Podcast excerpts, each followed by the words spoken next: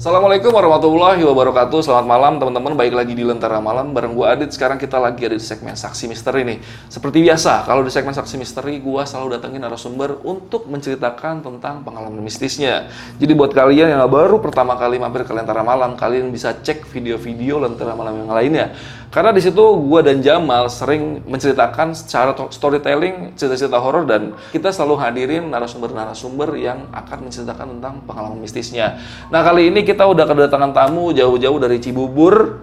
Kita kenalan dulu sama narasumbernya, Nuha. Halo. Halo, sehat nih. Alhamdulillah sehat. Tadi macet nggak jalanan ke sini? Oh, enggak lancar. Lancar ya. Oke oke. Jadi Nuha ini mau cerita gua kupas dikit ya Nuha ya. Oke. Karena tadi gua pas off cam sempat cerita sedikit sama Nuha cerita, cerita lah tentang ceritanya ini. Jadi Nuha ini mau cerita tentang eh, pengalaman bukan pengalaman mistis ya. Jadi ibaratnya ini cerita yang cukup epic di keluarganya si Nuha.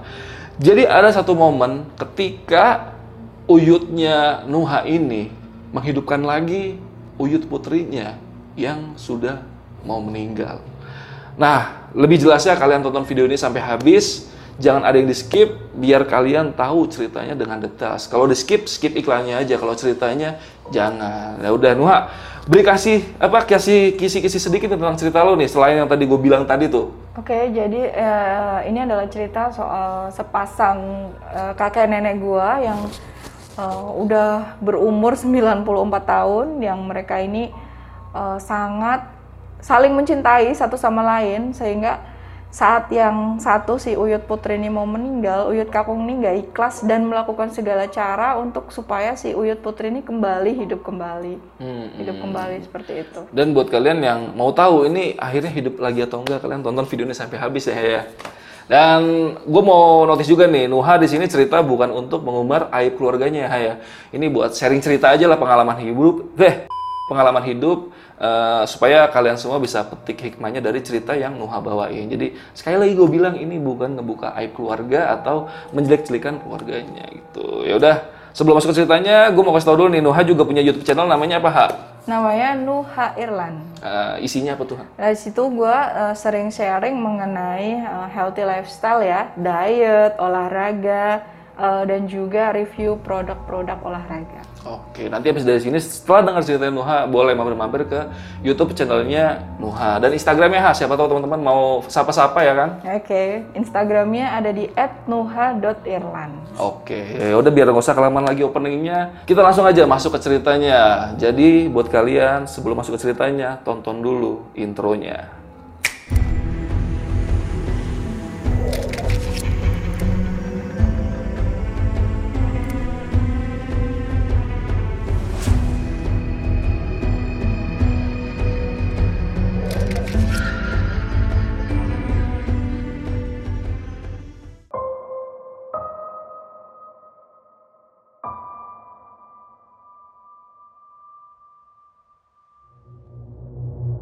Halo teman-teman, nah, nama aku Nuha. Eh, di sini aku mau cerita mengenai kejadian nyata yang terjadi di keluargaku. Eh, di sini aku mau cerita bukan untuk mengungkap aib keluarga atau membesar-besarkan eh, masalah keluarga gitu, enggak, sama sekali enggak. Karena di sini aku pure untuk sharing aja supaya kita kita ini bisa ngambil hikmah dari apa yang eh, terjadi di di keluarga aku. Jadi aku punya sepasang kakek nenek yang aku eh, panggil mereka itu uyut karena mereka tuh eh, hitungannya tuh uyutnya aku gitu. Nah mereka itu mm, si uyut kakung ini adalah orang yang katanya cukup disegani pada era pemerintahan Orde Baru. Nah si uyut ini katanya beliau ini punya jabatan di era Orde Baru. Nah seperti yang kita tahu di era Orde Baru di masa lampau ya orang-orang Jawa saat itu memang eh, biasanya tuh punya kayak perewangan gitu. Nah, perewangan yang dimaksud di sini kan bukan seperti yang kita biasa lihat gitu. Mungkin ini seperti apa ya? Mungkin eh, makhluk-makhluk yang nggak kelihatan. Nah, di situ eh, aku melihat Uyut di masa kecilku itu sangat kayak serem gitu loh, karena eh, aku tuh sering melihat kayak Uyutku itu yang melakukan berbagai ritual, yang dari mulai bakar kemenyan, dari mulai mandiin keris, dari mulai jemur-jemur kain yang kira-kira mungkin entah itu kain itu dapat dari mana atau mungkin ada perawatan-perawatan khusus seperti itu. Gitu. Jadi pernah juga waktu aku kecil tuh si Uyut ini hampir meninggal. Jadi kan aku punya sepasang Uyut ya. Ada Uyut Kakung sama Uyut Putri. Nah, si Uyut Kakung ini uh, masih sehat, tapi si Uyut Putri ini dia udah sering sakit-sakitan. Nah, si Uyut Putri pernah suatu hari waktu itu kayaknya gue kelas 1 SMP, jadi waktu itu udah lumayan bisa mengingat dengan baik. Waktu itu Uyut itu hampir meninggal, jadi kita ah, para anak cucu udah dikumpulin di keluarga. Kemudian si Uyut ini kayak berpesan gitu loh bahwa, eh kayaknya saya mau meninggal, ini nanti tanah yang ini dikasih sama yang ini, tanah yang itu dikasih sama si itu gitu. Karena kebetulan si Uyut ini punya eh, enam orang anak. Nah kebetulan nenek aku adalah anak pertamanya. Seperti itu. Terus si Uyut ini uh, kayak udah mau meninggal banget deh sampai dengan dia udah lemes. Tapi dia nggak mau dibawa ke rumah sakit karena dia pikir kayak udah waktunya aku meninggal buat apa lagi gitu. Sampai Uyut berucap seperti itu.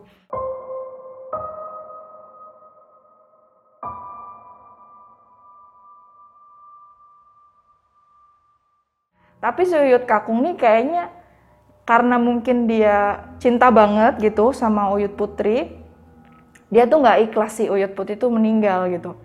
Sampai dalam keadaan Uyut itu udah lemes, udah sampai kejang-kejang, udah sampai kayak orang tercekik gitu, kayak orang sakaratul maut kan kayak gitu-gitu ya. Dan itu aku melihat dengan kepala sendiri saat itu aku lagi ada di lokasi, ada di tempat, aku melihat Uyut yang sangat kesakitan gitu di uh, di ajalnya yang aku yang kita kira itu saat itu adalah ajal si Uyut Uyut Putri ternyata digagalkan sama Uyut Kakung jadi seolah-olah tuh Uyut Putri tuh kayak udah meninggal gitu kayak udah badannya tuh udah lemes udah napasnya udah tinggal satu-satu gitu kan. Bahkan sempet Uyut tuh udah nggak udah nggak kelihatan nafasnya lagi gitu. Tapi si Uyut Kakung nih kayaknya belum ikhlas gitu belum ikhlas ngelepas Uyut sampai dengan uh, dia tuh pergi ke belakang rumah saat itu pergi ke belakang rumah karena kita punya karena si kakung ini punya peliharaan banyak ayam cemani karena untuk ritual ya karena kan uh, orang zaman dulu biasanya pelihara ayam-ayam cemani gitu untuk ritual. Nah si Uyut ini sampai nyembelih satu ayam cemani darahnya dikumpulin dalam satu mangkok. Terus darahnya itu diusap-usapkan ke jidat jika jidatnya si Uyut Putri terus diucapin ke tangan gitu-gitu diusapkan ke tangan diusapkan ke kaki bahkan ke perut juga dan uh, setelah diusap-usap itu nggak tahu kenapa kayak ah ini kayaknya bukan Uyut Putri deh. Jadi kayak kayak Uyut Putri itu hidup lagi tapi tuh kayak bukan dia gitu. Suaranya lain suaranya berat terus uh, pandangannya itu sinis senyumnya itu sinis gitu. Dan saat itu Uyu tuh nggak langsung berang, bukan kalau kayak orang yang habis sakit gitu yang berangsur-angsur pulih berangsur-angsur membaik gitu. Dan itu tuh kayak langsung sekejap aja gitu sekejap aja langsung kayaknya nih sehat lagi nih gitu. Dan di situ tuh kita curiga kayaknya kayaknya nih yang masuk nih bukan sepenuhnya Uyut Putri nih pasti uh, mungkin ini jin atau apa gitu kan. Kita kan mikirnya kan kayak gitu jadinya dari pihak keluarga gitu dan saat itu ya sudahlah karena Uyut tiba-tiba jadi sembuh lagi jadi hidup lagi kan ya udah kita akhirnya membubarkan diri lah saat itu. Kemudian kita saling diskusi tuh anak-anaknya ini gimana ya? Kok si kakung gini amat? gitu. Sama Uyut kok kayaknya kayak nggak ikhlas banget istrinya meninggal gitu. Nah gitu kita sempat diskusi lah gimana ya kalau kita ngomongin Uyut pelan-pelan gitu. Akhirnya kita sering ngebilangin Uyut Uyut jangan kayak gitu lagi, udahlah stop ritual-ritual yang gak jelas itu. Karena memang banyak banget ya dari aku kecil tuh aku udah sering lihat yang Uyut Putri tuh uh, setiap sore ya, setiap sore tuh biasanya tuh metik-metik. Uh, jadi rumah Uyut itu pendopo, depannya itu banyak halaman halamannya itu ditumbuhin kembang-kembang setaman gitu kayak ada mawar, ada melati, ada kenanga, bahkan daun pandan. Jadi kalau setiap sore tuh metikin bunga buat ritual kalau malam. Nah, itu sering aku lihat pernah. Jadi Uyut Putri, mohon maaf ya, Uyut Putri itu dalam keadaan eh, nggak uh, pakai baju, telanjang, terus rambutnya putih terurai ke belakang, putih terurai uh, tanpa dia memakai busana, dia keliling uh, sambil bawa ini loh uh, bunga tujuh rupa itu, dan dia ciprat-cipratin itu pakai daun pandan. Daun pandan itu kan panjang-panjang ya kayak gini-gini. Jadi dia diciprat-cipratin kayak gini loh, set set set gitu. Nggak tahu itu buat apaan juga. Kita yang ngelihat ngeri. Bukan kita. Kita juga nggak berani negor gitu kayak udah lah yud udah pulang aja gitu. Ngapain sih keliling-keliling rumah uh, tengah malam? Kayak gitu. Udah nggak pakai baju lagi gitu kan kita juga nggak berani negor kita negornya keesokan harinya. Ayo kenapa sih semalam ngapain sih gitu? Nah pasti jawaban dia beragam tuh? Ada yang bilang ngusir bala lah, ada yang bilang jagain rumah lah, ada yang bilang karena ini ada kiriman lah, gitu-gitu macam-macam. Nah saat itu kita sebagai anak cucunya banyak yang tidak kayaknya tuh kayak nggak tertarik nggak tertarik gitu sama ilmu-ilmu yang seperti itu bahkan sampai dengan saat ini nah itu waktu aku SMP ya cerita saat aku SMP terus ada lagi cerita ketika aku udah di Jakarta. Jadi kan sekarang aku posisi tinggal di Jakarta. Nah, aku di Jakarta ini kebetulan menikah sama uh, prajurit, seorang prajurit TNI. Nah, suami aku ini waktu mau menikah, karena kita waktu itu menikahnya ada di kampung gitu ya, dan kebetulan ini uh, rumah aku kebetulan rumah orang tua aku waktu itu kebetulan deket sama rumah Uyut Nah ini kebetulan calon suami aku ini saat itu minta izin lah gitu sama Uyut, ketemu lah sama Uyut. Terus si Uyut nih ngomong, kamu tuh kalau mau nikahin Nuha gitu, kamu tuh kalau mau nikahin Nuha uh, syaratnya harus mau uh, nerima kayak warisan dari aku gitu. Tapi saat itu karena aku udah tahu kalau Uyut itu orangnya ya udahlah nggak usah nggak usah diladenin. Itu mah e, memang Uyut memang orangnya kayak gitu gitu.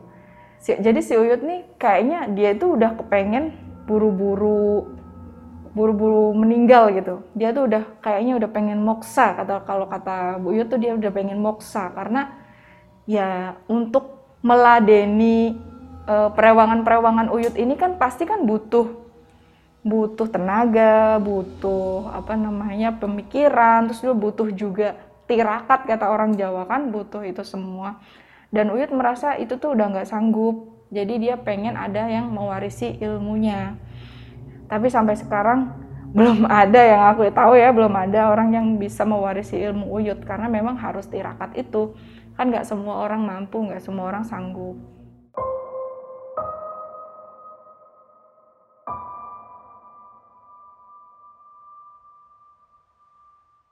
Terus uh, ini cerita waktu aku dari Jakarta.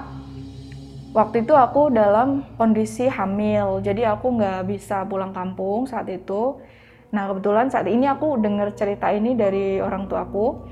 Orang tua aku waktu itu nelpon, aku posisinya lagi di kantor. Orang tua aku bilang, "Nu, ini si Uyut meninggal," katanya. Uyut Putri meninggal gitu loh kok bisa? Emang nggak dijampe-jampe lagi sama Uyut Kakung? Aku tuh sampai ngomong gitu bang karena ya karena ya dulu aku udah pernah melihat Uyut udah meninggal udah segitunya gitu tapi dia tuh kayak bisa dihidupin lagi gitu sama Uyut Kakung. Apa iya sekarang ini benar-benar meninggal kan? Emang meninggal beneran bu? Gitu. Iya emang beneran meninggal gitu. Terus gimana dong?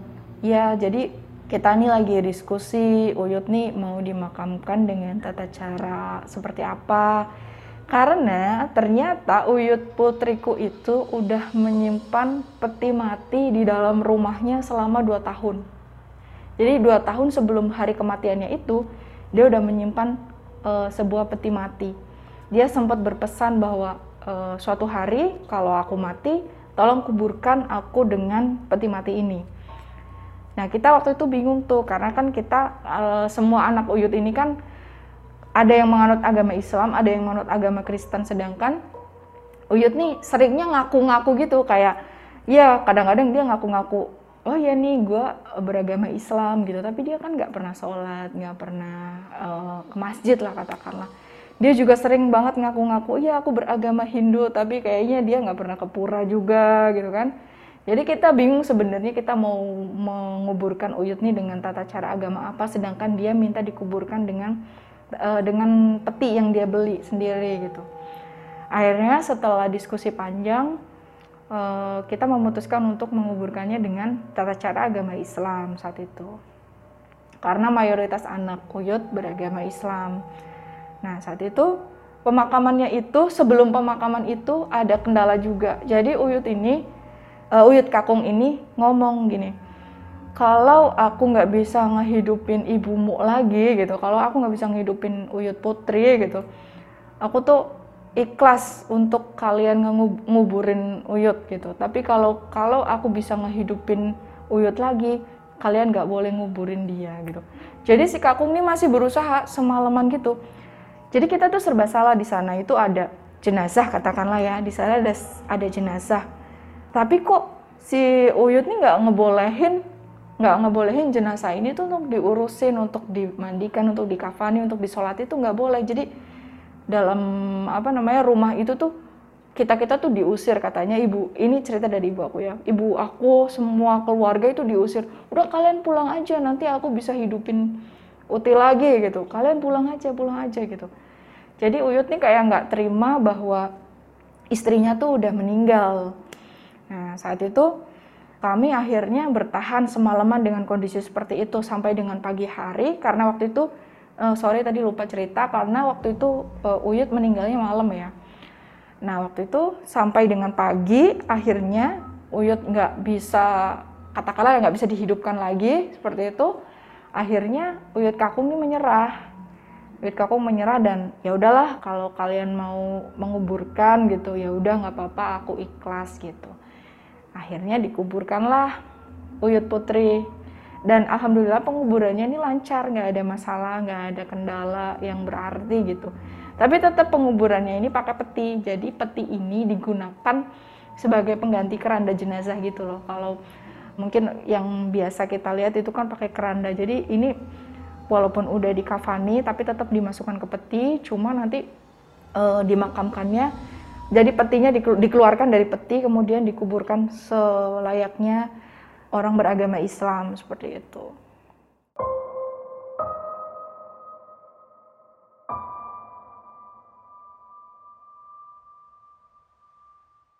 Ini ceritanya setelah Ut, setelah Uti meninggal, setelah Uyut Utri meninggal, itu banyak banget kejadian-kejadian yang katanya dinampaki oleh sosok yang mirip Eyang Putri ini. Uyut ini cerita sendiri sama aku karena kebetulan aku sudah uh, melahirkan, aku pulang ke kampung dan waktu itu ketemu sama aku. Si Uyut ini cerita bahwa eh ya semalam Uyut Putri datang gitu. Katanya datang di sekitar peti oh ya ada satu lagi yang aku lupa jadi uyut kakung ini nggak ngebolehin peti itu dibuang dan itu menurut kita tuh ih ngapain sih gitu kan karena kalaupun memang Uyut Kakung juga minta dikuburkan pakai peti bisa beli lagi kan peti yang lain karena kan serem gak sih nyimpen peti dalam rumah dan itu petinya udah pernah dipakai gitu udah pernah dipakai sama menguburkan orang walaupun memang hanya dipakai untuk membawa gitu. Serem gak sih nyimpen itu di dalam rumah? Tapi sampai dengan hari ini peti itu masih tersimpan di dalam rumah. Masih tersimpan dalam rumah, dalam kamar, masih rapi, masih wangi gitu. Nah, Uyut ini sering cerita, Uyut Kakung sering cerita bahwa Uyut Putri tuh sering nampakin diri di sekitar peti gitu. Uyut Putri tuh sebenarnya di sana itu kedinginan. Jadi karena ya itu tadi Uyut itu menganggapnya bahwa orang meninggal itu harusnya bawa baju gitu. Orang meninggal tuh harusnya bawa baju, nggak boleh itu cuman bawa dibungkus kain kafan doang. Nanti di sana pakai baju apa gitu. Entah itu karena sugesti itu atau gimana. Uyut itu sering ngomong bahwa ini Uyut Putri itu di sana tuh kedinginan, nggak pakai baju gitu. Dan itu tuh ngomong itu tuh berkali-kali gitu. Kita tuh sampai aduh masa iya sih gitu kan masa iya sih soalnya yang kami anak-anaknya nggak pernah ada yang ditampaki atau nggak pernah ada yang e, merasa melihat sosok Uyut itu nggak ada. Sama sekali nggak ada. Hanya Uyut Kakung ini yang sering katanya melihat Uyut Putri Uyut Putri di sana kedinginan. Sampai Uyut Kakung ini e, bersepeda 2 km demi membujuk orang tua aku untuk membantu menguburkan baju. Aneh banget gak sih? Jadi Uyut ini minta supaya cucu-cucunya atau anak-anaknya itu ikut membantu menguburkan baju di sebelah makam Uyut Putri. Jadi menurut Kakung ini Eyang kan kedinginan di sana, jadi dikirimin baju lah gitu dari sini. Sebenarnya ini menurutku lucu ya, maksudnya nggak masuk akal banget, tapi ya memang itulah yang terjadi gitu. Nah karena kasihan, karena memang Uyut ini kan usianya udah 94 katanya ya, sekitar 94 tahun. Nah akhirnya kami sepakat untuk ya udahlah turutin aja kemauannya gitu kan. Akhirnya keluarga sepakat untuk menggali e, lubang sedalam sedengkul lah gitu untuk menempatkan baju-baju yang dibawa oleh Uyut Kakung ini. Dan itu kita juga sempat ngerasa konyol sih maksudnya eh kita aneh banget ya maksudnya baju dikuburin di sebelah makam di sebelah makam beliau biar beliau bisa pakai baju gitu. Kayaknya itu kan konyol ya, tapi memang itulah yang terjadi gitu. Dan ternyata di mitosnya katanya ya di e, daerah di Jawa itu memang seperti itu. Jadi kalau ada yang meninggal misalkan e, apa ya masih perawan gitu, masih perawan. Nah itu biasanya meninggalnya tuh dibawain sisir, dibawain bedak, dibawain baju gitu-gitu katanya. Ya aku juga nggak tahu ya tapi memang itulah yang terjadi. Memang kenyataannya seperti itu dibawain. Nah ini dalam hal ini si Uyut ini dibawain baju sama Uyut Kakung nah saat itu kita juga nggak tahu menau entah kelanjutannya seperti apa. Nah saat itu sampai dengan saat itu sih Uyut nggak minta-minta lagi untuk ngirimin baju ke sana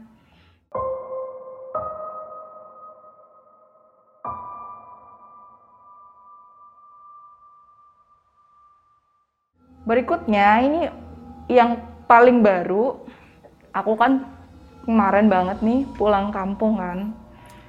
E, ketemulah sama Uyut. Sebenarnya tuh aku menghindari Uyut. Bukan karena aku nggak sayang ya, tapi karena ya kalau ketemu sama Uyut pasti aku akan ditawari hal yang aneh-aneh kan. Ditawari untuk inilah untuk itu gitu. Untuk menerima ini menerima itu ritual ini ritual itu. Jadi jatuhnya tuh kayak males gitu loh. Kayak aduh kalau ketemu Yud nih nanti pasti ditawarin gini nih pasti ditawarin gitu tuh gitu. Ya udahlah kita kayaknya menghindari Uyut nih. Tapi ternyata kita tuh nggak bisa menghindar kan? Kita niatnya mau ke tempat uh, saudara nih. Eh ternyata Uyut ada lagi ada di situ. Uyut lagi ada di situ dan kebetulan ketemu. Nah saat itu kan aku sama suami tuh berdua. Nah Uyut nih langsung ketemu suamiku langsung nembak gitu langsung bilang gini Lan coba sini duduk di sini gitu oh iya gimana Yud? Saat itu Yud masih sehat masih masih pakai baju safari masih pakai belangkon masih rapi masih wangi gitu. Uh, beliau berpesan kamu kan seorang prajurit pasti butuh namanya perewangan butuh namanya uh, apa ya namanya pegangan gitu kan. Ini aku punya beberapa pegangan gitu. Kamu bisa manfaatin ini untuk uh, apa ya supaya kamu bisa kebal supaya kamu bisa terhindar dari bala terhindar dari bencana seperti itu. Pesannya Uyut. Ya aku sama suami cuma lihat-lihatan aja. Hah? gimana nih gitu kan? Kalau kita menolak takut dikira nggak sopan kalau kita nerima juga kita kita nggak sanggup gitu kan? Tapi saat itu uh, suamiku menjawabnya dengan diplomatis gitu. Waktu itu bilangnya gini Uyut kan ini kan e, sebuah ilmu yang tantangannya luar biasa ya. Kalau misalkan kita menerima, belum tentu nanti saya kuat gitu.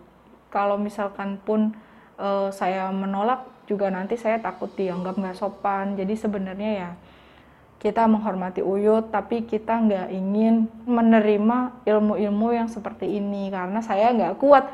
Karena kita berpikirnya gini loh namanya menerima ilmu-ilmu seperti ini kan harus ada tirakatnya kan, harus ada pengorbanannya, nggak hanya sekedar menerima ilmu terus ngafalin mantra terus jadi gitu kan enggak pasti kan ada ada tirakatnya.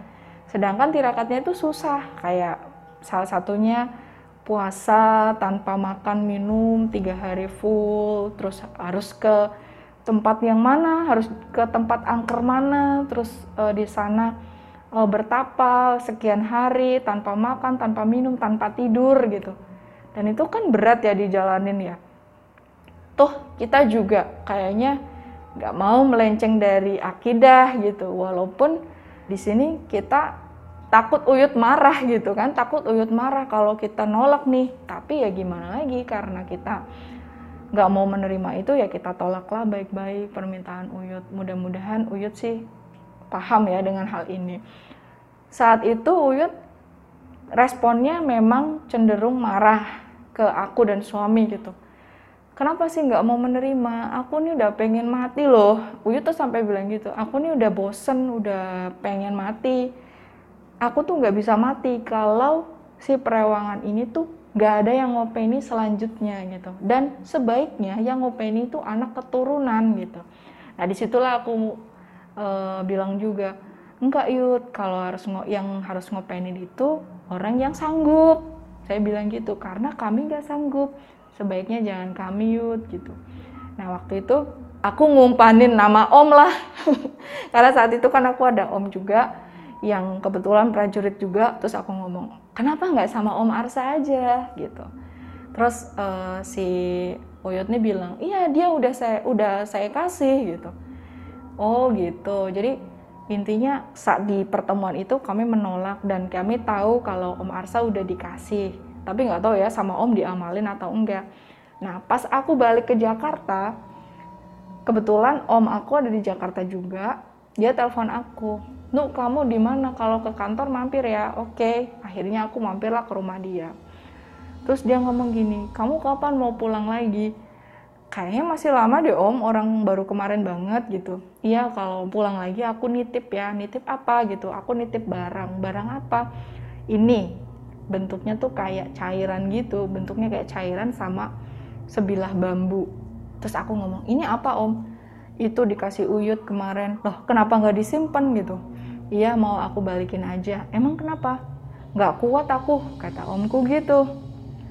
Yang bener om. Iya nggak kuat ya udahlah kalau nggak kuat nanti aku bantu balikin tapi aku nggak tahu ya baliknya kapan gitu.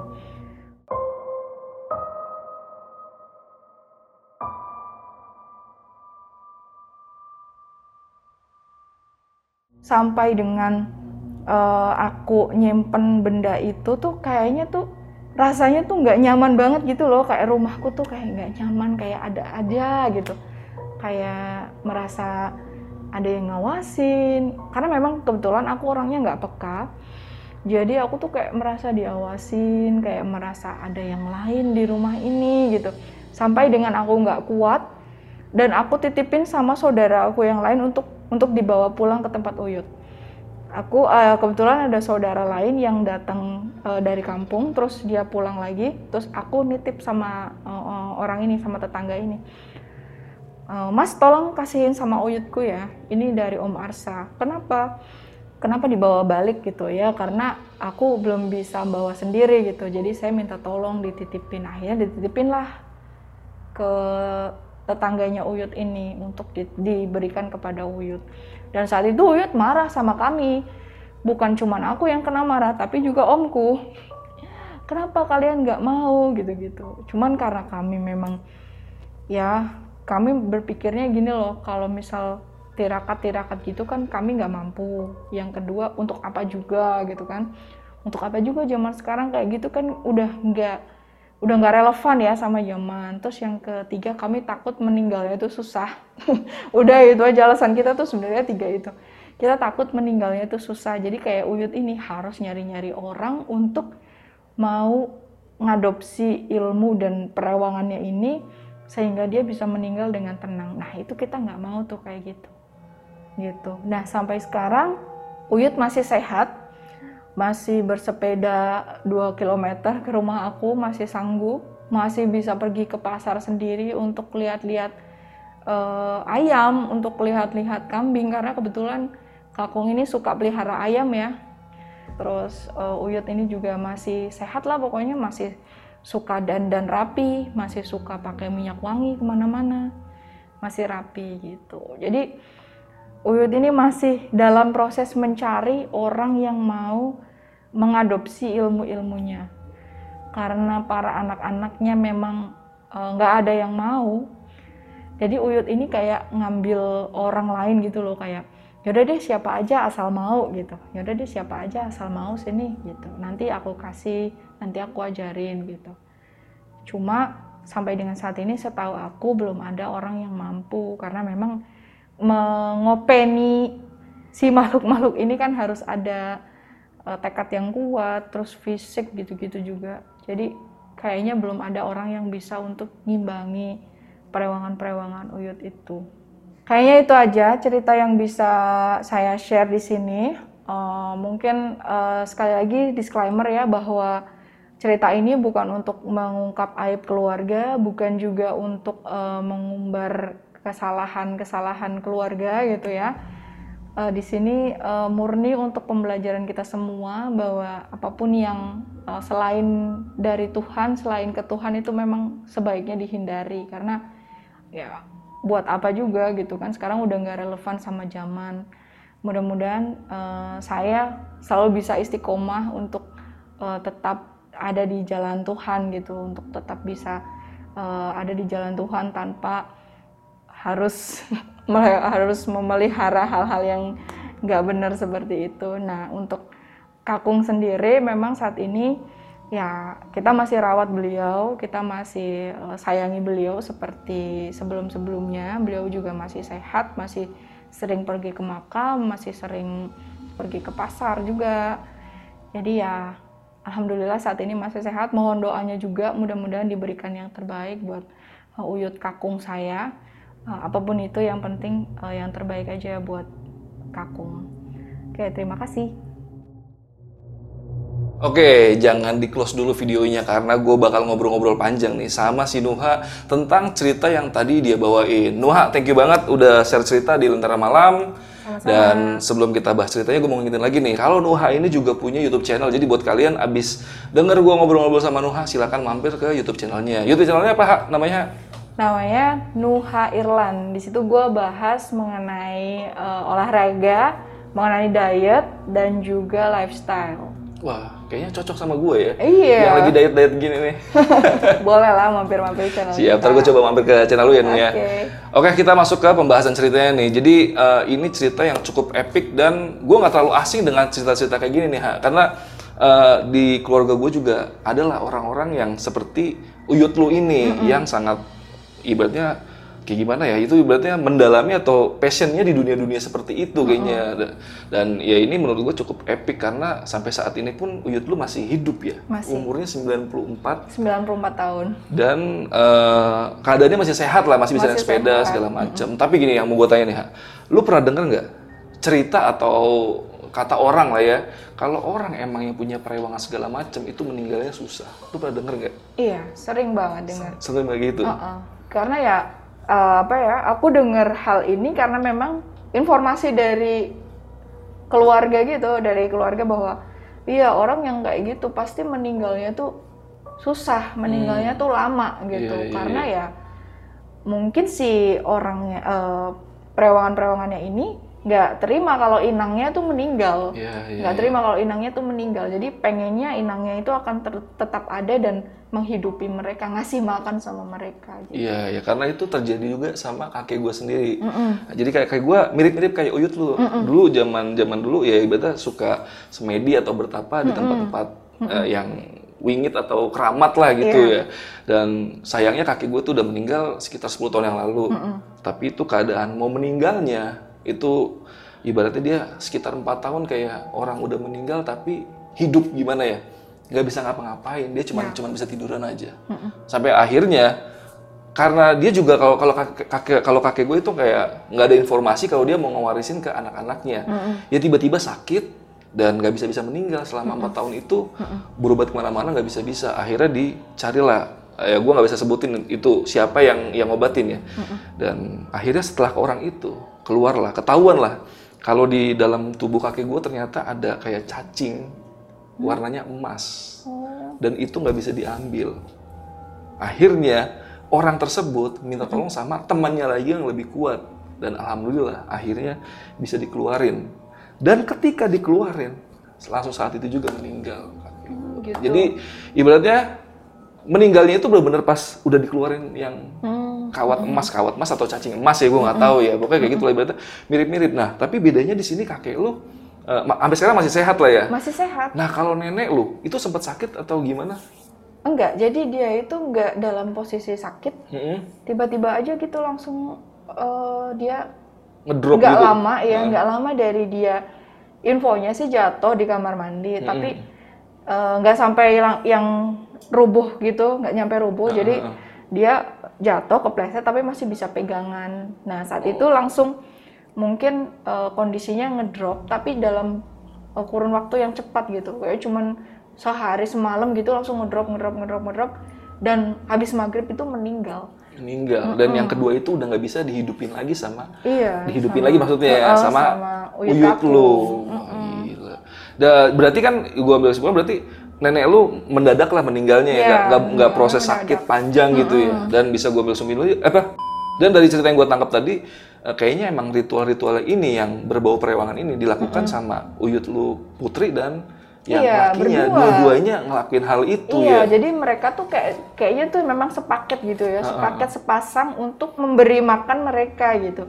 Dan saat Uyut putri gue meninggal, kayaknya Uyut Kakung tuh sangat kerepotan, kesulitan sendiri menghadapi Perewangan, si eh, peliharaannya itu. Iya, iya, jadi iya. kalau kayaknya dia sampai, aduh gue capek nih kayaknya, aduh ini kayaknya Uyut udah pengen nyusul Uyut Putri aja deh, soalnya udah capek gitu Ah, ah, ah. untuk untuk menghidupi si mereka-mereka ini gitu.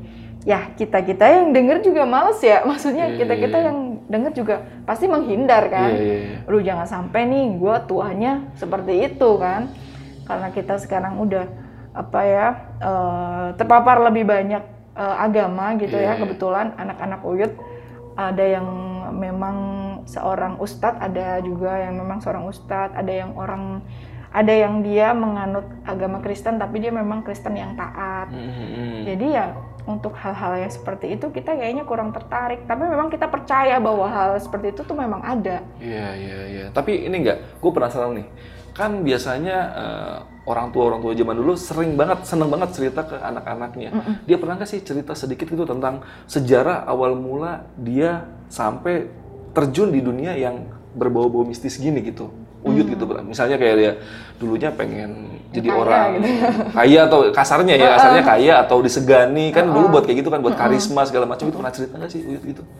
Kalau cerita sih enggak ya, tapi kalau misal ke ini sih kita dari dari cerita-cerita keluarga gitu, yaitu tadi Uyut itu dulu punya jabatan di era Orde Baru. Jadi ya namanya di era politik saat itu Iya, iya, ya iya. pasti butuh eh, backup gitu, butuh Oh, backup iya, backup eh, yang kayak gitu-gitu. Jadi yang mungkin dulu tuh zaman masih misal di luar tuh perang politik, tapi di belakang tuh perangnya magis gitu, kayak Iya, apa iya. ya namanya eh, mistis gitu, Ah, ah, perang ah. mistis gitu antar si peliharaannya si anu si anu gitu, saling saling menyerang juga gitu. Iya iya iya. Dan gitu eh, sampai dengan aku waktu itu yang aku masih sangat ingat SMP gitu yang waktu itu rumahku tuh belum belum pindah dari waktu itu kan rumah Uyut nih besar. Jadi di samping kanan kirinya tuh ada pavilion gitu. Nah, aku tuh sempet tinggal di di pavilion pavilion salah satu pavilion itu. Nah, di situ tuh aku sering melihat Uyut Uyut Putri melakukan ritual-ritual seperti itu yang eh, mungkin di hari-hari tertentu biasanya mungkin bulan-bulan tertentu gitu ya koleksi eh, kerisnya tuh dicuci Oh. koleksi ker- kerisnya tuh dicuci terus dibungkus kain putih terus ada lagi yang koleksi-koleksinya tuh berupa eh, kain jarik kain jarik tuh yang modelnya kan kain jarik tuh ada yang eh, filosofinya ya misal Hmm, kayak hmm, hmm. Iya betul betul. eh, filosofi duka cita, Iya, iya. filosofi kematian, terus gitu-gitu filosofi apalagi gitu. Nah itu tuh kalau hari-hari tertentu itu dijemur eh, sejam lah. Jadi karena kainnya banyak, uh, Uyut tuh sering bentangkan tali dari ujung sana ke ujung sini gitu. Hmm. Nah di situ jarik-jariknya tuh nggak dibuka lipatannya tapi cuma di cuma dicantel-cantelin doang pakai hanger gitu untuk dijemur. Ya mungkin itu mungkin bagian dari perawatan kain juga kurang Iya, tahu. Tapi sampai dengan Uyut uh, Putri meninggal ini, Uyut Putri meninggal, nggak ada lagi yang bisa eh, nggak ada yang lagi yang bisa ngopeni si jarik-jarik ini. Jadi jarik-jarik itu ya udah lembab aja di dalam lemari gitu. Iya. Belum ada lagi yang belum ada lagi yang merawat. Padahal biasanya kalau hari-hari tertentu paling nggak setahun sekali gitu ada ritual untuk menjemur kain-kain koleksi ini. Iya, gua tahu tuh. Itu biasanya hari-hari apa? Kalau orang Jawa biasanya ngelakuin kayak cuci keris atau ngebersihin-bersihin yang ibaratnya yang berbau-bau seperti mistis lah. Itu biasanya malam satu suro. Nah, itu mungkin Iya, ya. mungkin itu nenek apa uyut lu ngelakuinnya saat malam satu suro, bersihin keris, nyuci segala macam. Betul, betul. Mungkin gitu. Jadi itu tapi itu pendapat gue ya, gue juga gue agak lupa sih ngambil infonya dari mana buat teman-teman yang lebih tahu boleh tulis di kolom komentar. Gue mau bahas lagi, kita kembali ke awal nih. Nu, yang pertama kali, lu kan tadi awal-awal cerita tentang pertama kalinya lu ngeliat dengan mata kepala lu sendiri orang dihidupkan lagi. Gimana? Ibaratnya begitulah dihidupkan lagi ya. Nah, lu sempat cerita tadi kan eh, dari perilaku atau sifatnya sempat berbeda gitu dari sebelum meninggal sama setelah dihidupkan lagi Iya, gitu. Itu itu berlangsung saat itu aja apa lama-lama eh, habit dan kebiasaan nen, apa uyut putri lu kembali seperti dulu lagi atau gimana gitu? Oh, Kayaknya tetap deh ya. Kayaknya sama gitu. Jadi kan dulu kan yang Uyut tuh orangnya lembut. Iya, sama kita tuh suka eh, karena dulu gua waktu kecil rambutnya panjang ya. Dia suka ngepang-ngepang rambut gua, suka sisir-sisirin gitu. Namanya nenek sama cucunya gimana sih gitu iya. ya. Nah, setelah dia kayak yang hidup dihidupkan kembali itu, Iya. tuh kayaknya tuh orangnya tuh beda gitu. Hmm. Dia cenderung lebih lebih tegas, lebih galak. Terus kalau manggil manggil orang tuh suka teriak-teriak. Hmm, iya, iya. Mm-mm. Terus kalau eh, apa namanya kalau senyum tuh suka sinis gitu loh. Jadi kita tuh kayak menganggap wah ini kayaknya se- bukan sepenuhnya eh, Uyut Putri Uyut nih. putri yang dulu gitu ya. Heeh. Sampai kita tuh sampai mengambil kesimpulan tuh seperti itu. Cuma ya kita nggak tahu ya apa Ah. yang sebenarnya itu memang emang itu atau emang bener-bener Uyut Putri jiwanya Uyut Putri atau mungkin ada yang lain yang Iya, menumpang gitu kan kita nggak tahu juga. Iya. Karena itu tadi anak-anak Uyut nggak ada yang tertarik untuk menggali lebih dalam. Iya, iya, iya. iya. Bahkan om gua yang dititipin itu juga sampai nggak kuat untuk Iya.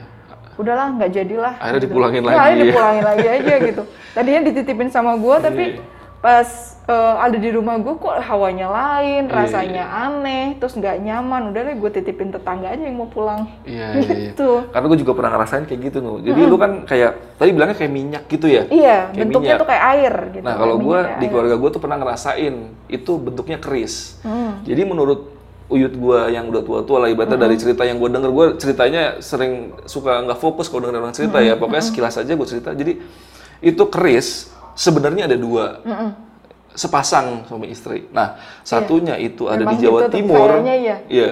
Satunya itu dikasih ke Pak Le gua, Hmm. dikasih. Nah, dikasih Pak Le gua, Pak Le gua nitipin dulu mau dibawa ke kampungnya dia, tapi dititipin dulu ke rumah gua. Nah, selama Chris itu dititipin di rumah gua, wah itu gila. Su- Suasana rumah tuh pengap, terus Iya.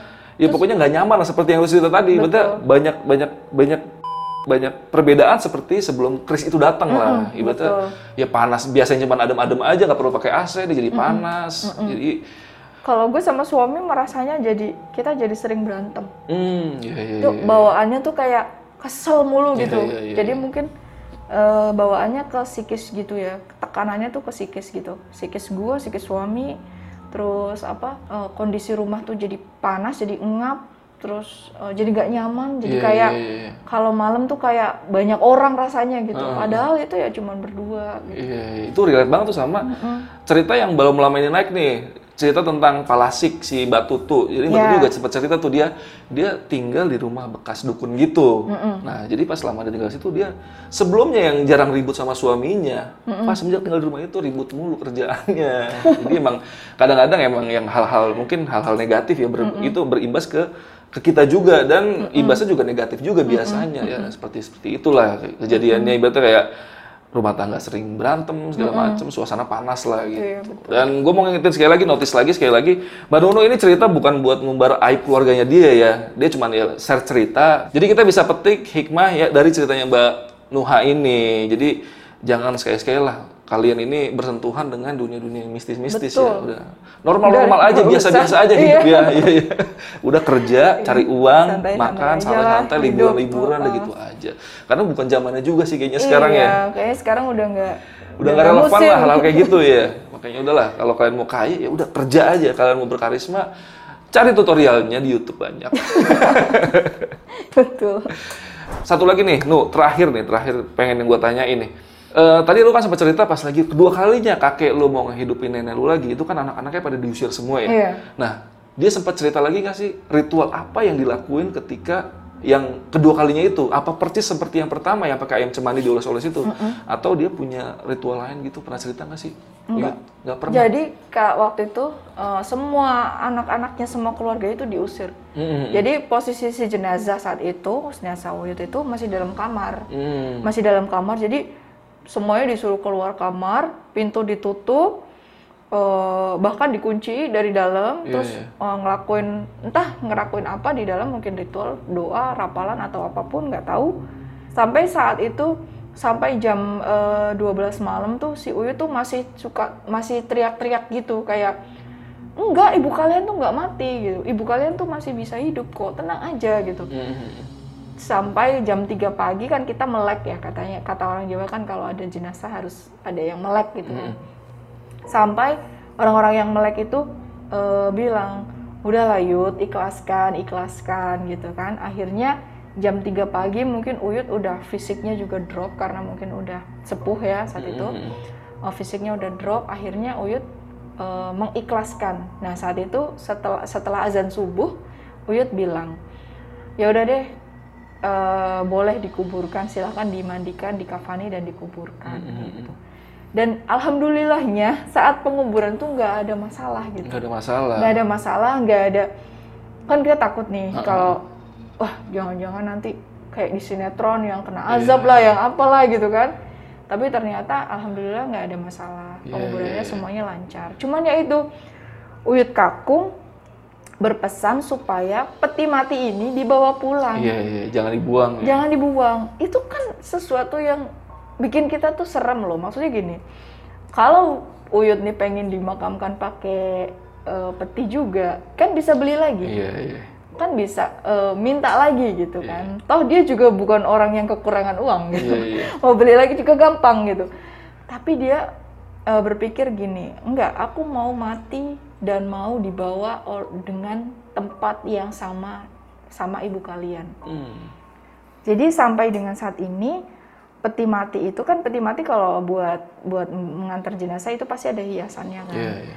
Ada dikasih eh, jarik eh, warna apa simbol duka cita. Terus ada apa namanya bunga ronce yang di atas itu di atas apa namanya petinya itu ada bunga-bunga ronce gitu. Sampai bunga-bunga roncenya pun nggak boleh dibuang. Oh, dari berarti dari eh, semenjak meninggal itu sampai sekarang tetap seperti itu gitu. tetap kondisinya? seperti itu tapi karena memang bunga ya pasti layu Iya, kan pasti layu. Heeh, Nah. cuman dia kumpulin dikumpulin itu bunga-bunganya itu nggak boleh dibuangin dan itu udah kering-kering gitu loh aku aja yang denger itu takut maksudnya ya apaan sih ini mistis amat gitu kan Iya, iya. cuman eh, memang eh, saudara-saudara yang saat itu ada di tempat gitu kan memang membenarkan hal itu. Ya memang itu. Kalau kamu nggak percaya petinya masih ada. Teloan yang ruangan gitu. Liatin aja di ruangan gitu. Iya, iya. masih ada gitu. Dan aku waktu itu kan memang saat Uyut meninggal tuh nggak ada nggak nggak hadir kan karena aku saat itu kondisinya hamil. Nah pas aku pulang eh, beberapa bulan setelahnya ya memang masih ada dan di kamar itu sekarang terkunci tertutup nggak ada yang bisa masuk nah kita kita juga nggak mau masuk ya mau ngapain di dalam kamar ada peti mati yang udah pernah buat bawa jenazah Iya, iya. disimpan lagi di dalam kamar serem gak sih Iya, iya. serem banget kalau gue mah takut Itu dikunci ya. dikunci Itu kayak film-film pintu terlarang tuh kayak gitu. tuh. Ntar dibuka Iya. banyak iblisnya keluar. Tapi yang bisa gua ambil sih, ini keren sih Uyut lu sama Uyut Putri sih. Ini kalau kalian pernah nonton film Habibi, ini mirip-mirip kayaknya ya. Iya, kayaknya satu sama lain tuh sangat Iya, iya, sangat ini banget lah, sangat, erat iya, banget lah. saling mencintai banget Gila, sih kayaknya. Sampai meninggal pun dia nggak ikhlas ya. Iya, Sebenarnya nggak ikhlas, ikhlas ya, nggak cuman ya ikhlas. mau gimana lagi udah meninggal ya kan. Mungkin nanti kalau ada cerita update soal Uyut bisa gue up lagi. Boleh, boleh, siap. Jadi buat kalian yang pengen Nuha cerita lagi, silakan tulis kolom komentar sebanyak-banyaknya. Dan juga siapa tahu kalian mau sapa-sapa Nuha Instagramnya mau Oh, di iya. follow nggak sama teman-teman nih? Iya. Apa tuh boleh. Instagramnya? Ya, eh, Instagram @nuhairlan. Oke, nanti kalian mampir-mampir aja sapa-sapa. Kalau mau nanya nanti ceritanya agak kurang jelas boleh tanya-tanya aja ya ke Nuha karena kan kalau storytelling ini kadang ada yang ke skip-skip juga kan kadang-kadang kan. Ya udah, paling segitu aja video malam ini dan gue mau ngingetin sekali lagi Nuha ini punya channel, nama channelnya apa Nuha? Nuhairlan. Nuha Irland isinya berbau-bau tentang olahraga dan diet-diet juga ya. Iya, betul. Gue harus mampir nih kayaknya nih. Dan, dan Instagramnya tadi udah sebutin, nanti linknya gue taruh di deskripsi. Ya udah, paling video malam ini cukup segini aja. Thank you Nuha, udah jauh-jauh ke sini Sama-sama. untuk share ceritanya. Gue Adit, Nuha, Lentera Malam. Bye.